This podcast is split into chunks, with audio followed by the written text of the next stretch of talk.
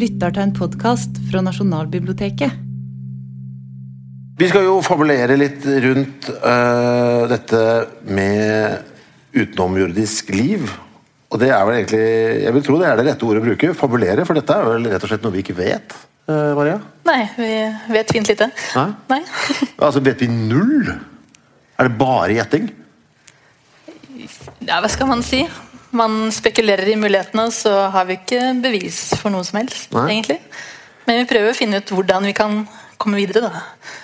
Altså, for meg som ikke er så dypt inne i det, så har jeg sånn følelsen at det er grovt sett da, to teorier som råder. Enten så er det uendelig med liv der ute, eller så er det bare oss. Er du enig i det, Signe? At det er det? Helt, helt riktig. At, ja. Kan ikke du forklare litt om det? Hvorfor, er det, hvorfor må det være så voldsomt? altså, mye av det her er jo kvalifisert gjetting. Ja. Uh, der er så mye, vi ikke vet, men likevel så gjør vi jo noen observationer. Et, vi er her. Uh, det er ganske bra indikasjon på, at teori 1 kan være riktig. Um, vi er her i alle fall. Uh, men vi ser jo ut i rummet, og så observerer vi antall stjerner. Vi observerer antall stjerner, som har planeter omkring seg. Um, så det vi kalder eksoplaneter. Uh, og dem er der ganske mange av. Det er faktisk mer alminnelig at en stjerne har en planet, enn at den ikke har en planet.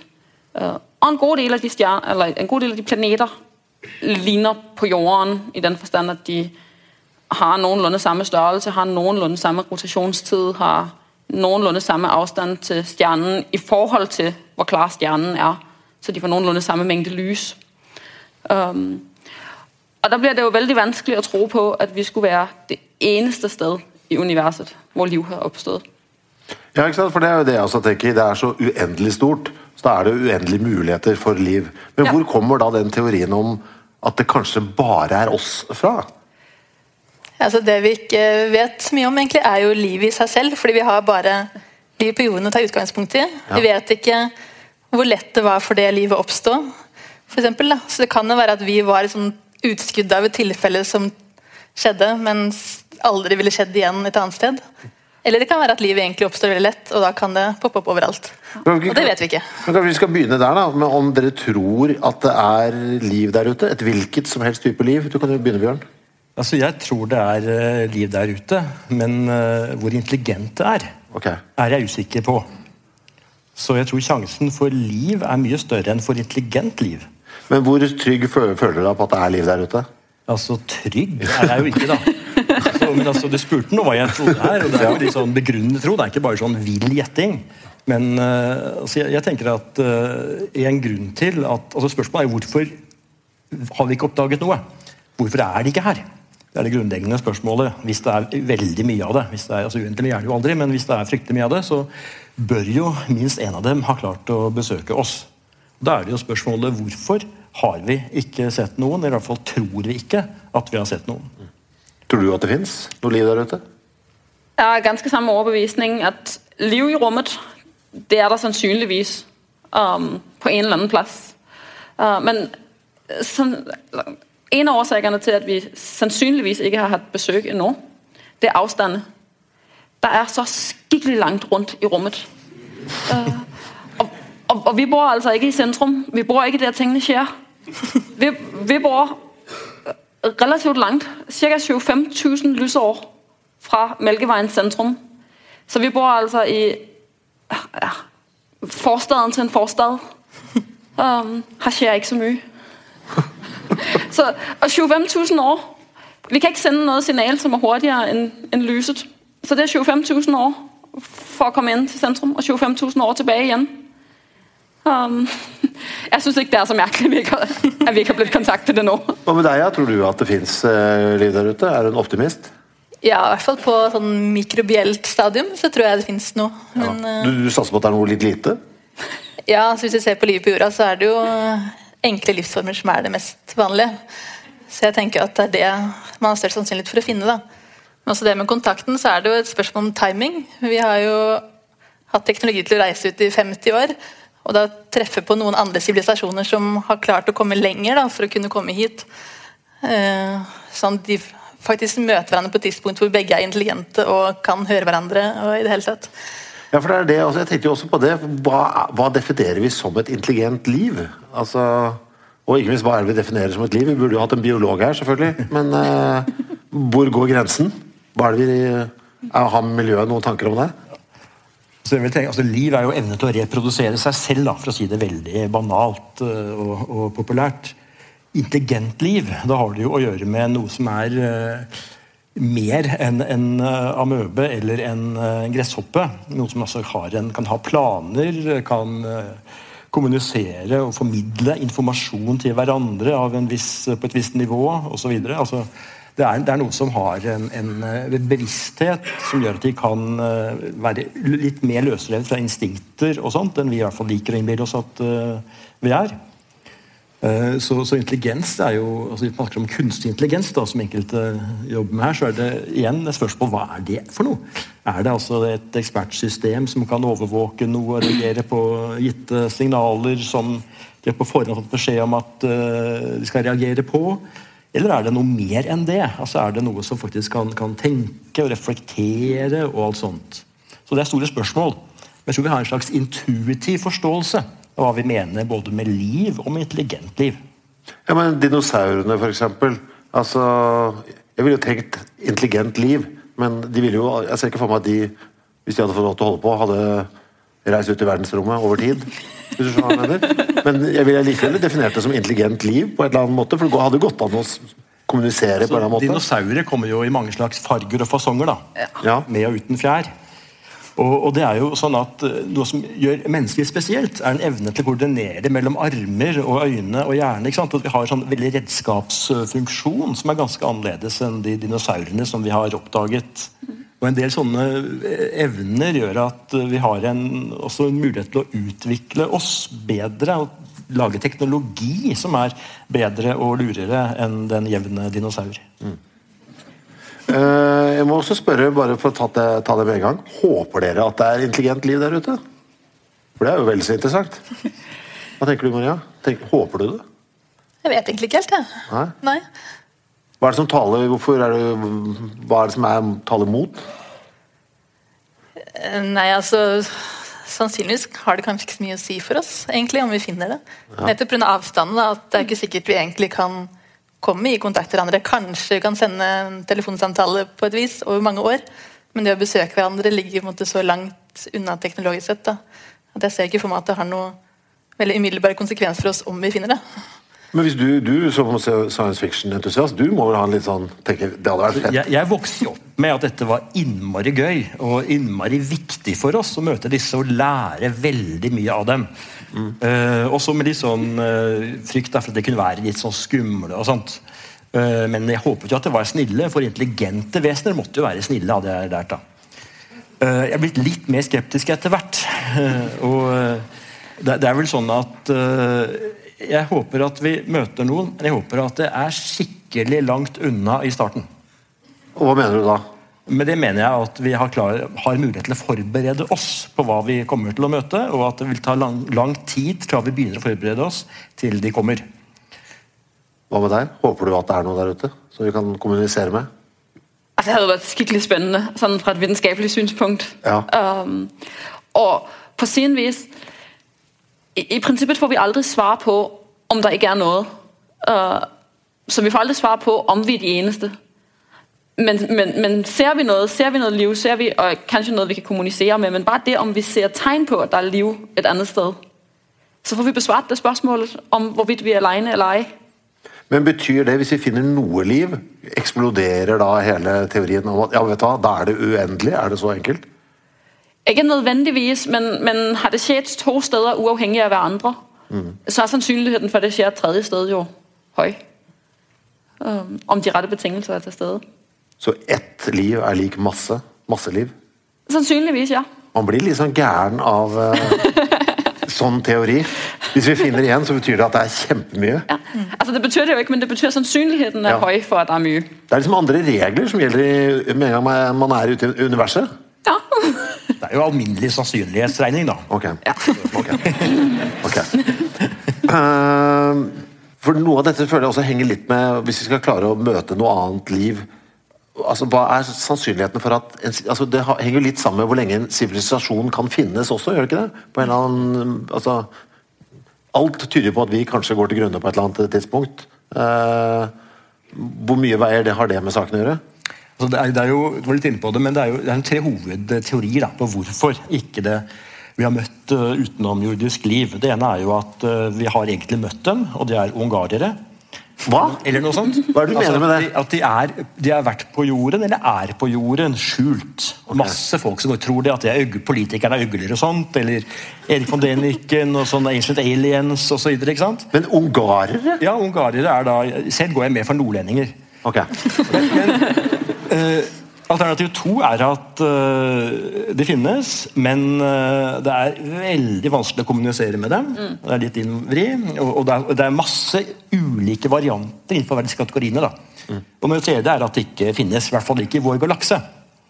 Uh, og, og så er det jo spørsmålet hva skal til hvis det er sånn? Altså, Vi legger til side det at de er her, eh, for det tror vi ikke på. Men det at de, vi ikke kan kommunisere med dem, men ikke har klart det ennå, så er det jo masse underpunkter på dette her. Vi er på feil frekvens. Eller vi har, som du var inne på nå, ikke holdt på lenge nok. Eller de har hatt på for kort. altså De gikk under før de rakk å komme med kommunikasjon til oss. Eh, Så det er en del sånne ting, og jeg tror at nettopp dette med varigheten av teknologiske sivilisasjoner er jo et spennende spørsmål. For dess lenger de varer, dess større sannsynlighet for at de vil komme i kontakt med ikke bare oss, da, men eh, alle slags andre, og spre sin egen teknologi over hele galaksen. Det skal egentlig frykte lite til, nemlig. Og det er det som er noe som kalles for Fermis paradoks. Altså, hvor er de alle sammen? Hvis de sender ut rom, ti romskip i løpet av 1000 år, og disse sprer seg videre på 1000 år med ti nye romskip hvert sted, holdt man på sånn hver 1000 år, så får man en sånn tierfaktor hver 1000 år, og i løpet av en eh, 12 000-15 000 år har de klart å komme fram til absolutt alle stjerner eller systemer i galaksen. Ja, Bortsett fra den reisetiden. Ja, ja, ja, ja altså, eller på vei, da. Være på, men reisetiden, jeg snakker med mellom 5 og 15 millioner år. da. Da med reisetiden, det er ikke på i farten, men det stemmer. Men da er du også inne på et annet problem, da, hvis vi skal ut og, og reise, eller hvilket som helst, enten om det er oss eller noen andre som skal hit. Man må jo overleve en utrolig lang reise.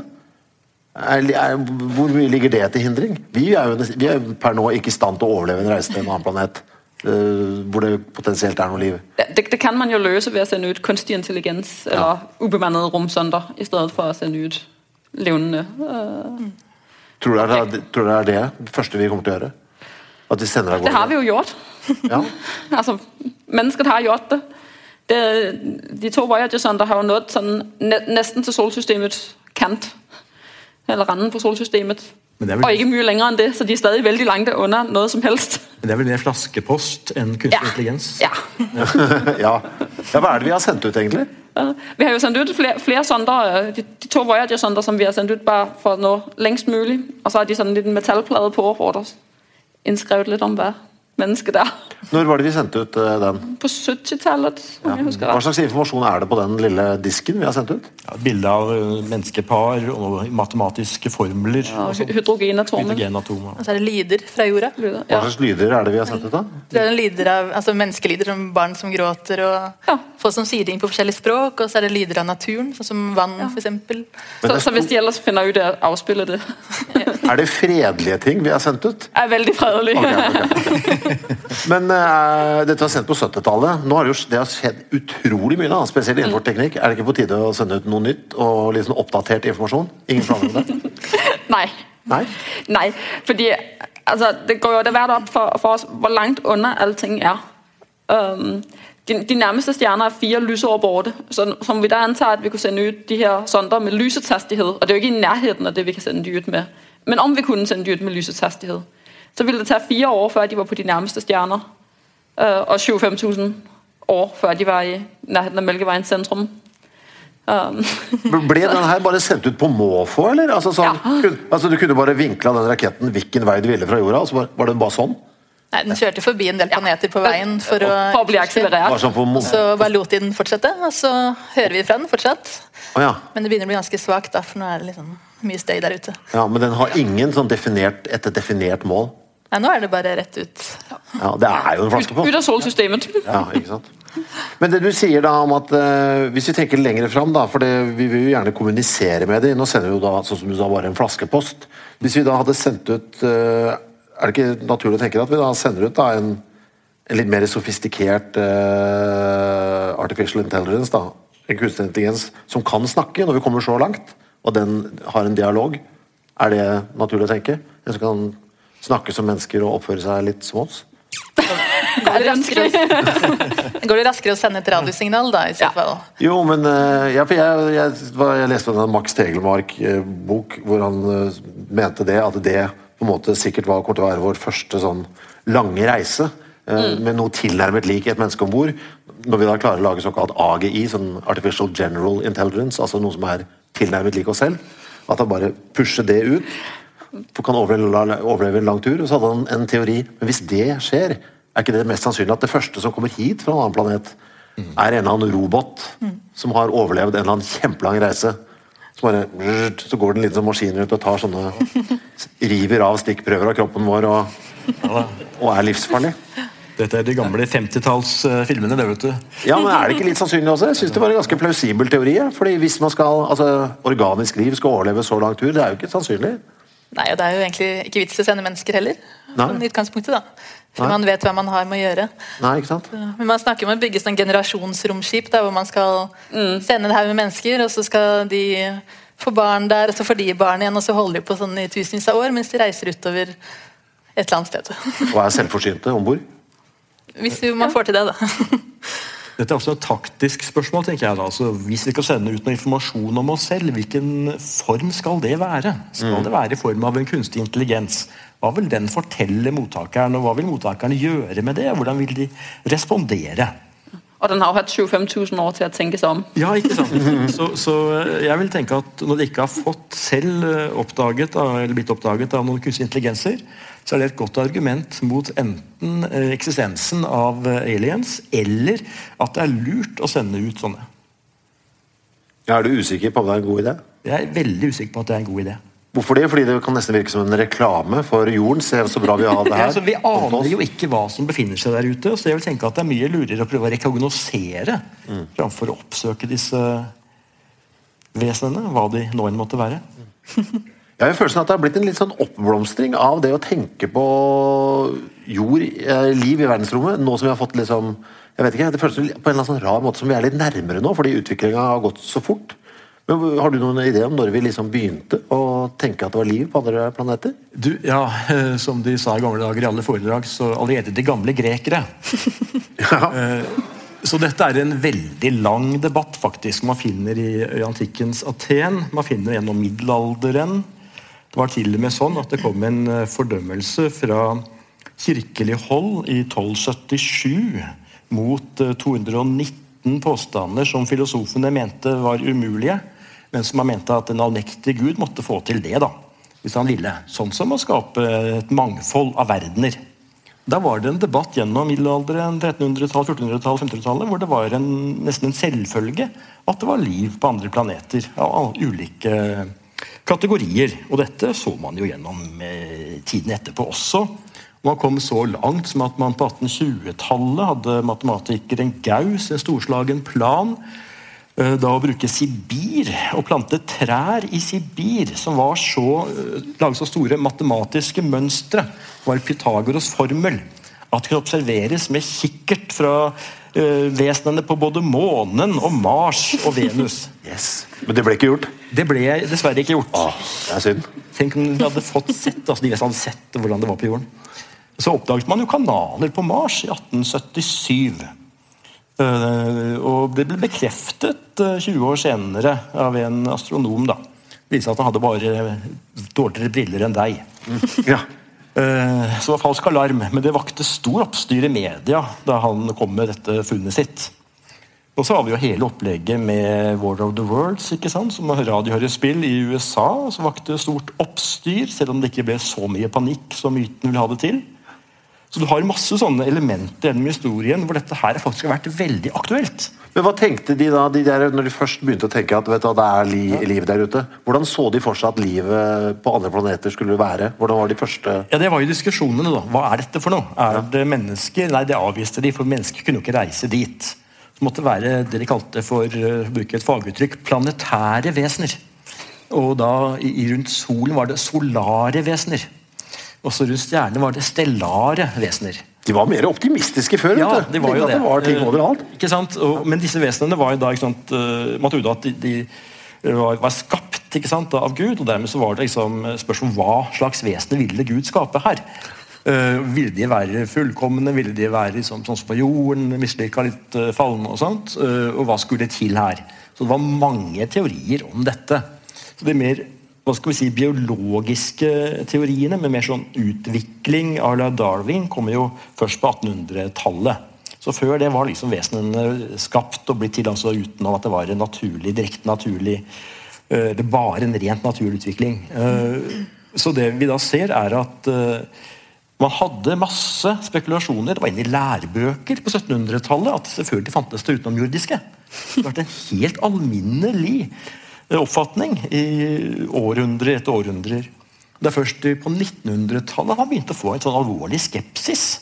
Eh, Sånn midten av, eller eh, sånn 1920-30-tallet, fordi man oppdaget ingenting. Og det ventet å oppdage, og trodde at man fikk liksom satt opp disse teleskopene, skulle man oppdage så mye. Men oppdaget ingenting. Eh, og da begynte jo skepsisen å bre seg. ikke sant? Eh, men science fiction-miljøene holdt jo likevel liksom optimismen levende. da. Og skrev desto flere bøker hvor man møtte de underligste aliens. Men det er jo da, ikke sant, fordi man får bedre utstyr og kan kikke ut, og så finner man ikke noe, så blir man litt pessimistisk. Ja. Men nå som utstyret blir bedre, blir fagmiljøet mer optimistisk eller mer pessimistisk? Altså, det var først på 90-tallet man fant planeter rundt andre stjerner. Ja. Man hadde jo tenkt at det kanskje var det, men det var først da man observerte det. Og nå er vi oppe i snart 4000. Og det styrker jo troen på at det, Så nå er vi på, på, på, nå er vi på nå har vi funnet igjen. mulige bosteder, på en måte. Og så blir det å prøve å se om det er noe der. Og neste, neste skridt er jo, at neste generasjon er teleskoper, eller rom, romteleskoper. at, at de kan observere atmosfæren på de her planeter rundt andre stjerner. Og der er man jo skikkelig optimist på, at, at det er noen sånne biomarkører, som indikerer om, om det er liv. Mm. Øh, At atmosfæren på en planet, som har liv, ser ut på en ganske spesiell måte. Hvis dere som, eh, som astrofysikere kunne liksom funnet opp et eller annet eh, lurt framskritt som gjorde at vi kunne finne ut av dette her, er det noe et, fart, et fartøy som går fortere, er det det vi trenger? Så vi kan få funnet ut av det? Kommet oss til steder? eller Hva er det vi trenger? Altså, det, det man gjør nå, er man jo har si, nesten gitt opp å finne kommunikasjon fra, fra liv. Mm. Uh, utenom jordisk liv. Det man, det man ser etter nå, er hvor er de rette betingelsene til stede. Hvor er der en, en stjerne som ligner litt på solen. Um, det har noe å gjøre med at den skal være øh, stabil og gi stabilt lys i såpass mange år at, at vi har tid til å utvikle planeter og liv. Um, så skal den selvfølgelig ha planeter. Uh, vann er, flytende vann er en, øh, en katalysator for dannelse av aminosyre. Uh, og aminosyre er helt essentielt for liv som altså Alle de former for liv vi overhodet kan forestille oss, trenger aminosyre. Så Derfor er vi veldig fokusert på det må være en planet som ligger med en passende avstand fra stjernen, og så ha flytende vann. Og Så begynner vi da å se på kan vi, kan vi se hva som er i atmosfæren. Um, og alle de former for liv vi kan tenke på igjen. Uh, tenker vi oksygen må være nødvendig. Uh, og så kan man deretter gå inn og se hva kjennetegner atmosfæren på jorden. Uh, ikke, ikke bare med hvilke, hvilke stoffer som er, men også i hvilket forhold i forhold til hverandre. Uh, hva gjør fotosyntesen? Hva gjør alle havene ved um, altså alt vannet? Hva gjør det ved, forholdet i atmosfæren? Og så er det de ting man begynner å se etter, i håpet om nettopp å finne det her, den her markør for der er planeten der kanskje har liv, før vi overhodet begynner å sende ut øh, kommunikasjon. Men kan dere finne ut av alt det om disse planetene herfra? Ja. det, og det har vi utstyr til nå? Ja, neste generasjon Okay. Jeg vil aldri få det med meg. Så, så, det, så det som skal sendes opp om to, tre, fire år Ja. um, de, de teleskopene har både oppløsningen og følsomheten til å se planetatmosfære. Så i min livstid kan jeg oppleve at vi finner en perfekt planet? Ja.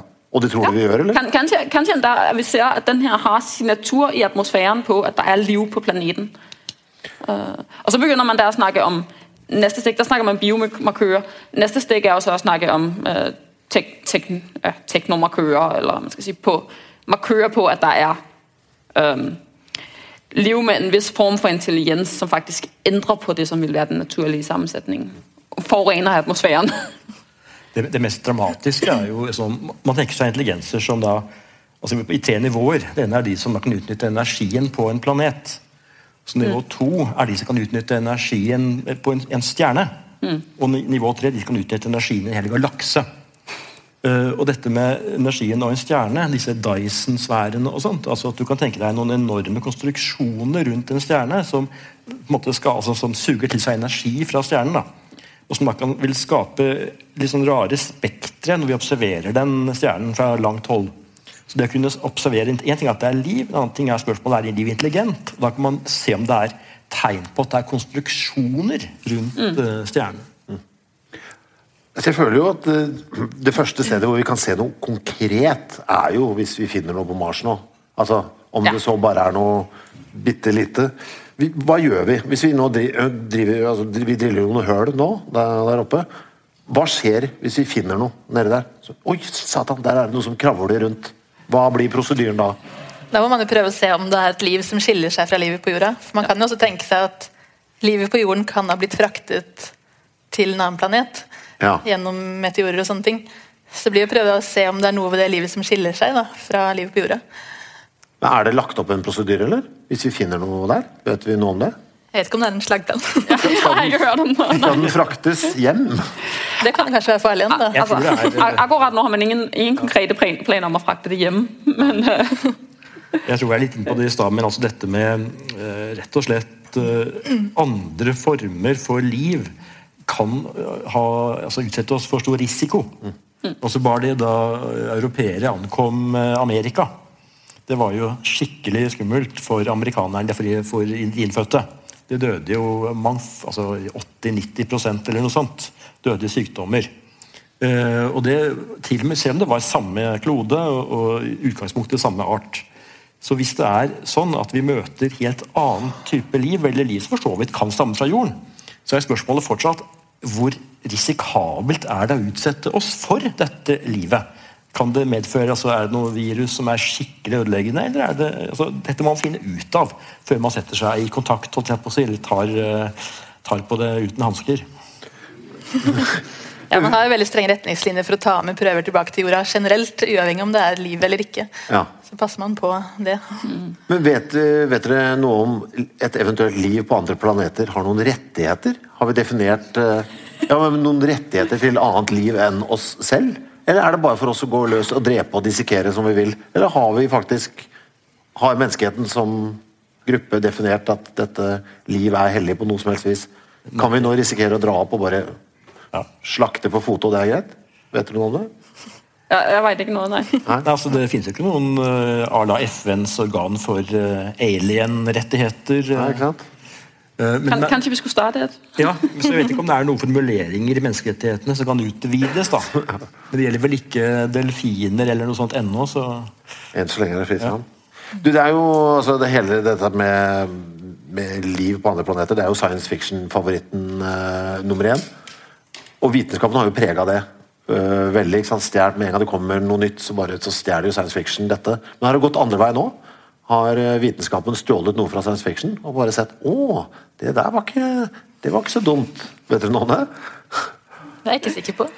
Nei, jeg er heller ikke bekjent med, med noen tilfeller. Uh, ja, Spørs hva du mener med vitenskap. Uh, fordi altså, den, ja, De klassiske science fiction-forfatterne er jo Arthur C. Clarke.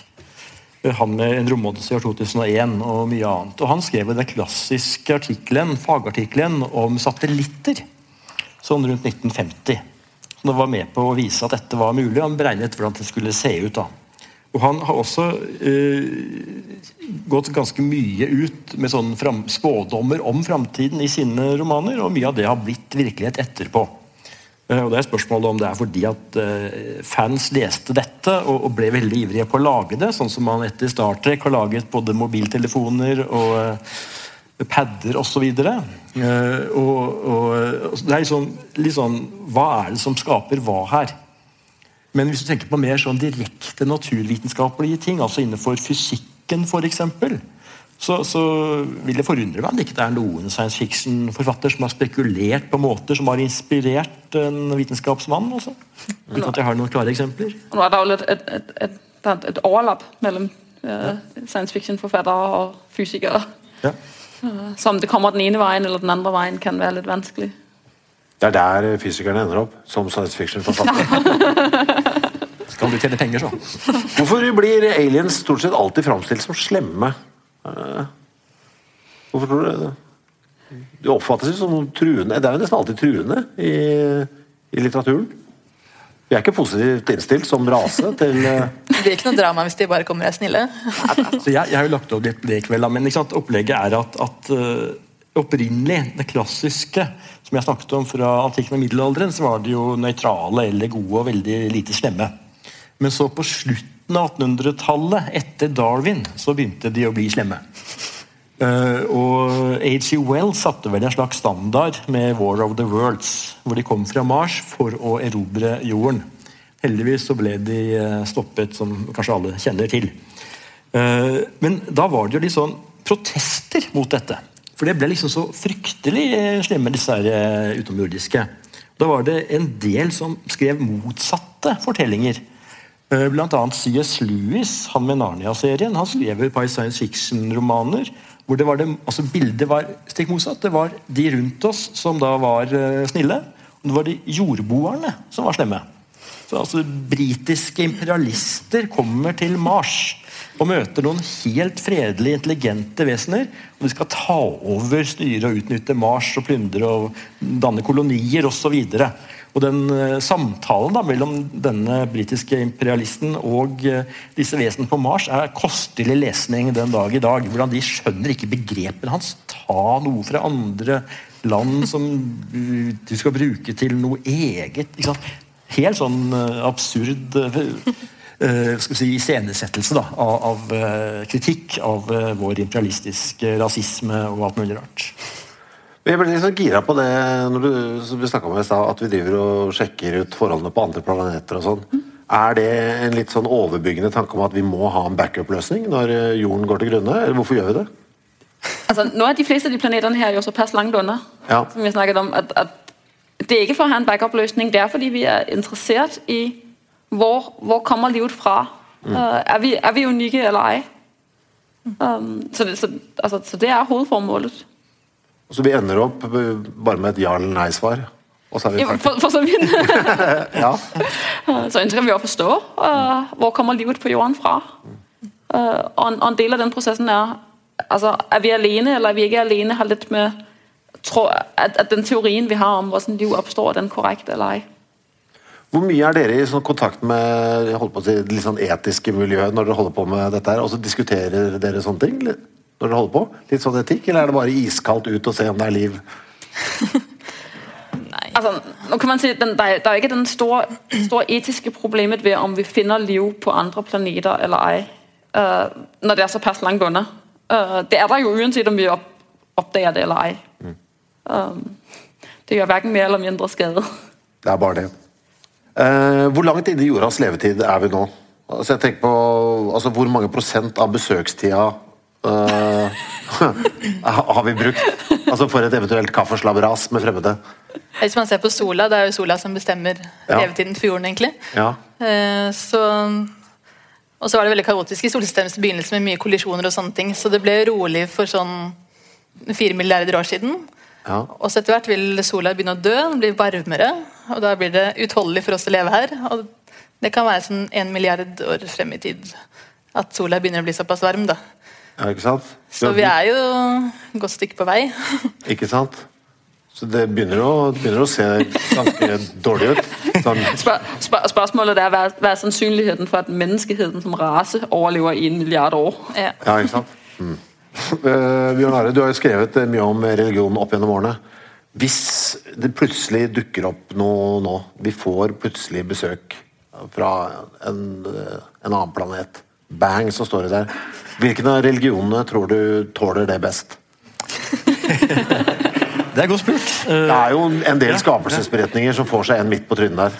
Ja, det, det, det er jo både og det der. Jeg nevnte jo allerede litt før i dag at eh, den katolske kirken har jo debattert dette siden middelalderen, altså i snart eh, over 800 år. Som de får seg noe på trynet, det tror jeg ikke. Men det kan nok være en del mer sånn eh, bokstavtro, eh, protestantiske retninger som kan få det. Eh, men så er det jo, altså generelt sett så er det jo ganske mye religion som har på en måte et forhold til eh, utenomjordisk eksistens. da. Til og med laget ufo-religioner og sånt. Jeg vil tro at hinduister og buddhister ikke vil reagere så mye, for det har jo mye sånn uh, slags uh, skikkelser som, som, man kan trykke klare paralleller til aliens uh, med.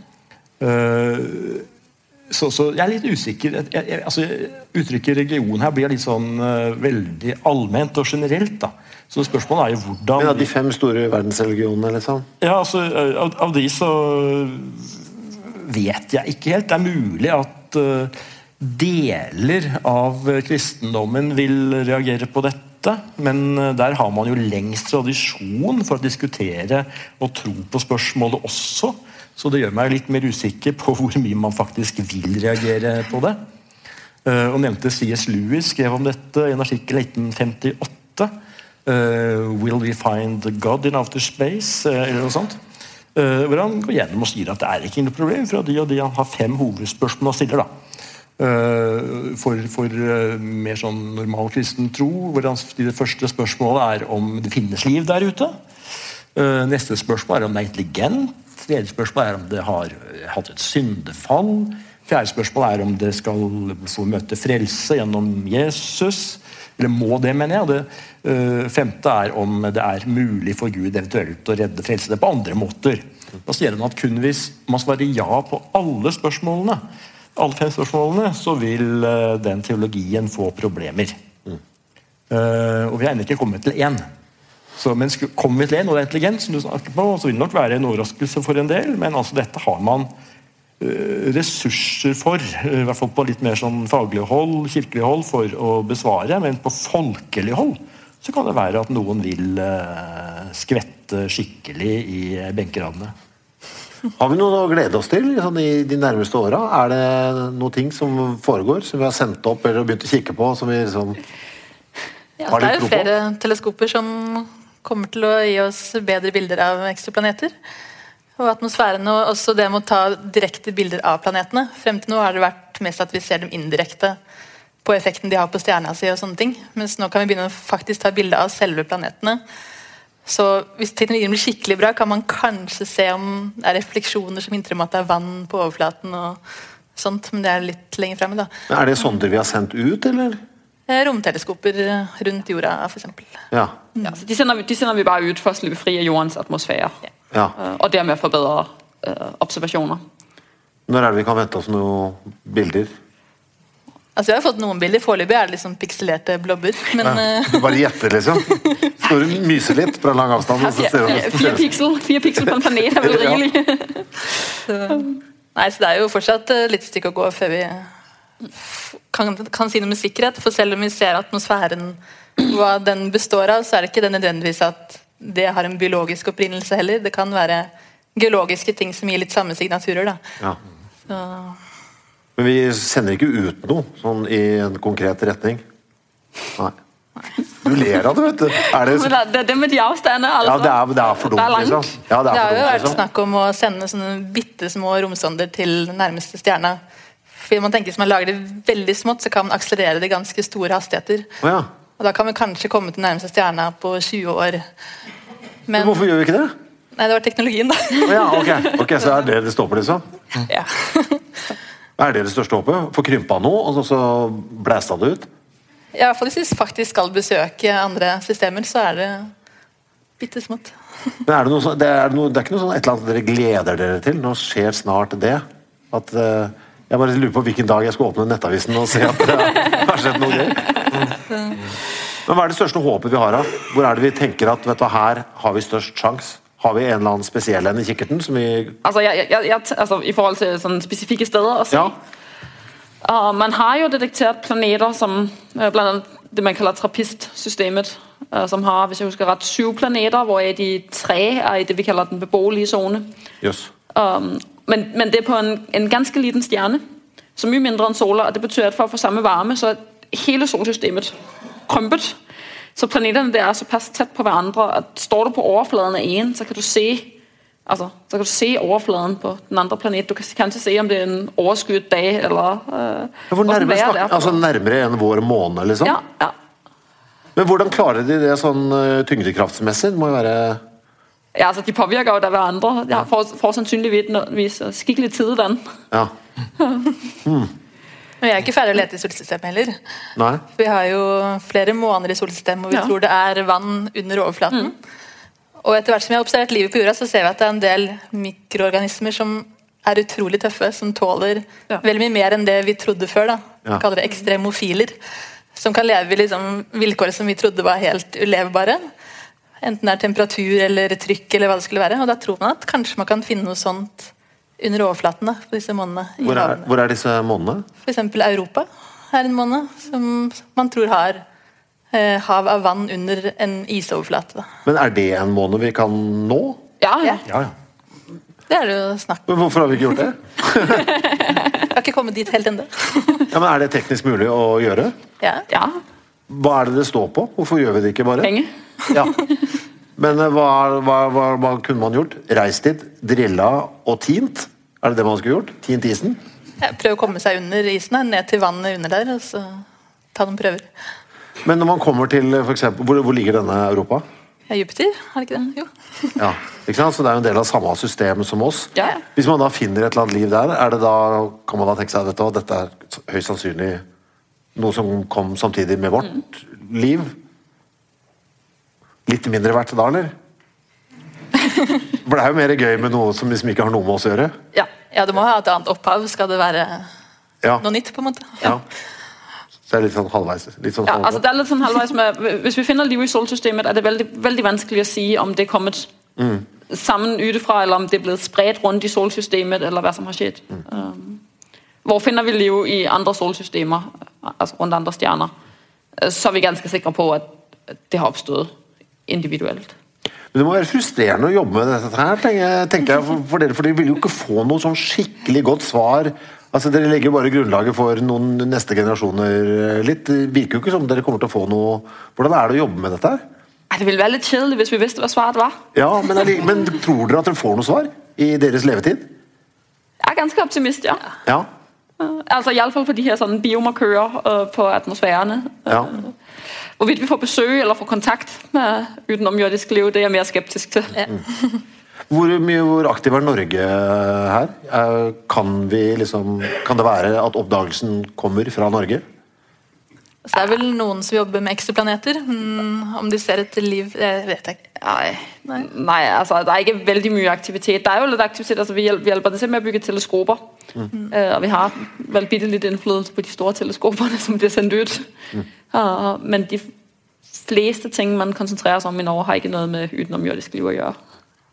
Så Science fiction-mannen her, du har jo mye bedre liv i så måte. Så du kan jo ha de, disse figurene levende i hodet. jeg eh, går på Tanum og Nordli ark, jeg. altså. Ja. Det finner mye liv der. Hvordan ser du for deg eh, et liv der ute? Har du Ja, og nå sier deg, Tenker du på vei ut, eller et liv som finnes der ute på en fjern planet? noe som finnes der ute? Altså, det er jo eh, Har du gjort deg noen tanker om hvordan det kan ja, være? det, det er jo, Spørsmålet er jo hva slags uh, vilkår uh, finnes det på disse planetene. Så tenker en ren sånn naturlig evolusjon, så vil det være selvfølgelig helt avhengig av hvilke nisjer og økologiske evolusjonære muligheter som finnes. Hvor mange si, armer, øyne og bein og hvor store hjerner osv. de får. Uh, og da er det jo bare fantasien som setter grenser, egentlig, som det heter på, på fagspråket. Uh, og dette er jo, altså du kan tenke deg, altså, Utfordringen er jo uh, hva skal til for å få til noe som er intelligent og i stand til å utnytte sin egen intelligens. På praktiske måter. Ikke bare svømme rundt i et stort hav og være veldig intelligente. Eh, Da er jo som jeg inne på i stad, mennesket en veldig sånn eh, eksepsjonell vesen gjennom koblingen mellom armer og også kroppsbeherskelse, armer, fingerferdigheter og hjerne og øyne og alt sånt. Og reaksjonsevne. Eh, Og hvis noe tilsvarende, som jeg håper oppstår på andre planeter, så det må betinges av at det er tilsvarende økologiske, naturlige, biologiske utviklingsmuligheter. Men det vi ser på jorden, da, hvis man skal liksom tenke en sånn evolusjonært, så er det jo det har jo skjedd gjennom en uh, serie katastrofer. Altså Det at mennesket og pattedyrene tatt slapp ordentlig til, kommer av at dinosaurer og andre har blitt utryddet. altså Nesten alt de har blitt utryddet. Og så har det liksom oppstått nisjer hvor ny, nye livsformer har kommet til, eller eksisterende for så vidt, men har fått mer armslag, bokstavelig talt, og utviklet uh, seg uh, fordi de har sluppet den type konkurranse som store dinosaurer og, og, og små for så vidt også hadde medført. Men jeg tenker på sånn, Er det ikke litt av grunnen til at uh, vi har klart å få altså kommet oss opp et nivå og fått intelligent liv? Har det litt å gjøre med at vi har to kjønn også? Fordi det krever jo Det skaper jo altså Evolusjon krever, det krever altså, konkurranse, det at vi har to kjønn? Det er, det er mange forhold ved evolusjon som påvirker intelligens uh, og i hele tatt muligheten for å få avanserte livsformer. Alt fra cellestrukturer til, til uh, Eh, du er inne på sant, dette med hvordan den seksuelle reproduksjonen foregår. At det er to kjønn. At det faktisk kan ja, stimulere til måten man planlegger ting på, måten man liksom må interagere, og ikke bare leve i sin egen lille boble. For jeg tenker at Det er kanskje litt ja. rart at det er to kjønn her. jeg ser for meg at Det er mer naturlig at du finner noe enkjønna, noe som kan formere seg med seg sjøl der ute. Det er mer sannsynlig på en eller annen rar måte. Reker. Ja, og at det dermed er litt sånn kørka-liv der ute? Ja, ikke sant? I forhold til det spørsmålet er det intelligent, eller hvor intelligent er det der ute? Mm. Jeg kan jo tenke meg mange scenarioer hvor det er veldig mye intelligent liv. altså. Mm. Og, men spørsmålet er bare hvor sannsynlig er dette egentlig? For vi kjenner jo ikke helt tersklene som overvinnes for å komme dit. Var litt inne på det, ikke sant? Hva skal til for at liv oppstår i det hele tatt? Hva skal til for at man utvikler en type cellestruktur som noen nevnte? Hva skal til for å utvikle avansert bevissthet i det hele tatt? Og så videre og så videre. Og det er veldig mange sånne, og så må du utvikle videre teknologi, vitenskap, alt mulig rart, for å være interessante som vesener å ha en relasjon til. da. Utover liksom å kunne konversere ved leirbålet. Uh, det var litt gøy å tenke hva dere tenker om science fiction.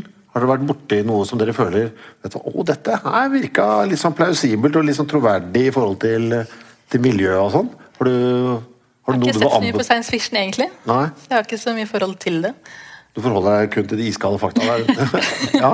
Jeg ser mer sånn type science fiction som er litt innenfor eh, sånn romfart og prøver å være litt realistisk. Men... Hvilken er det som du skiller seg ut som tenker vet du, det der er ganske nærme?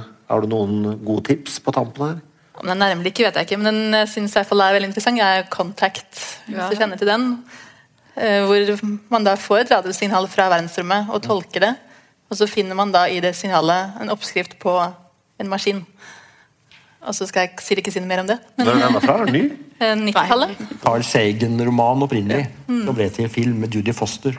Den tar også for seg litt interessante problemstillinger med tanke på hvis vi da skal sende et menneske og møte disse, hvem er det vi skal sende? Og Da kommer vi også inn på dette med religion. Mm. Hvem er det som egentlig representerer menneskeheten? Å, herregud, det er det òg, ja. Selvfølgelig. Ja. ja.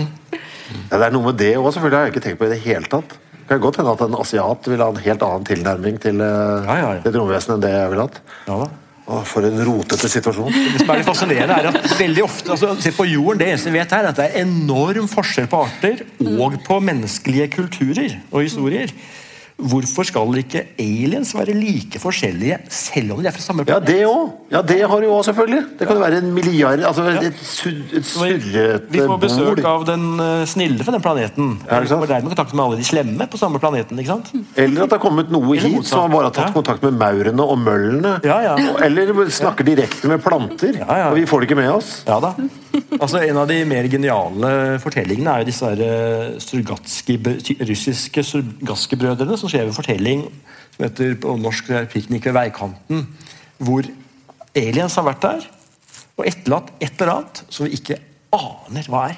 Vi skjønner ikke noe av det, for det er en måte å tenke på og forholde seg til ting rundt eh, seg som er så fullstendig annerledes enn den måten vi tenker på og har mulighet til å tenke på. Mm. Så vi går rundt der og ser altså noen rare greier som eh, Er det for det søppel? Er det liksom mat? Er det, er det, er det teknologi gitt oss for at vi skal liksom Hva er det for noe? Skjønner ikke og kan ikke skjønne. Har du en anbefaling? De... Jeg vil også ha sagt kontakt. Ja. ja. det må jeg jo se, skjønner jeg. Ja. Eller lese boka. Ja, for det er en bok også, selvfølgelig. En bok. Jeg ble så glad i Three Body Problem. Jeg, så jeg prøvde å presse på dere bak scenen her i stad. Jeg syns den er uh, kjempegøy. Jeg tror vi har kommet til veis ende her. Ass. Tusen takk for at dere ville være med. Maria Marie Hammerslø, Bjørn Are Davidsen og Signe Rimer Sørensen. Jeg fant et fint eh, sitat i Tommy og tigeren. Kjenner dere til det? Nei, jeg vet ikke Jeg syns det var så veldig riktig å avslutte kvelden med. Noen ganger tenker jeg at det sikreste tegnet på at det finnes intelligent liv andre steder i rommet, er at ingen av dem har forsøkt å kontakte oss. Og med det så sier vi takk for i dag.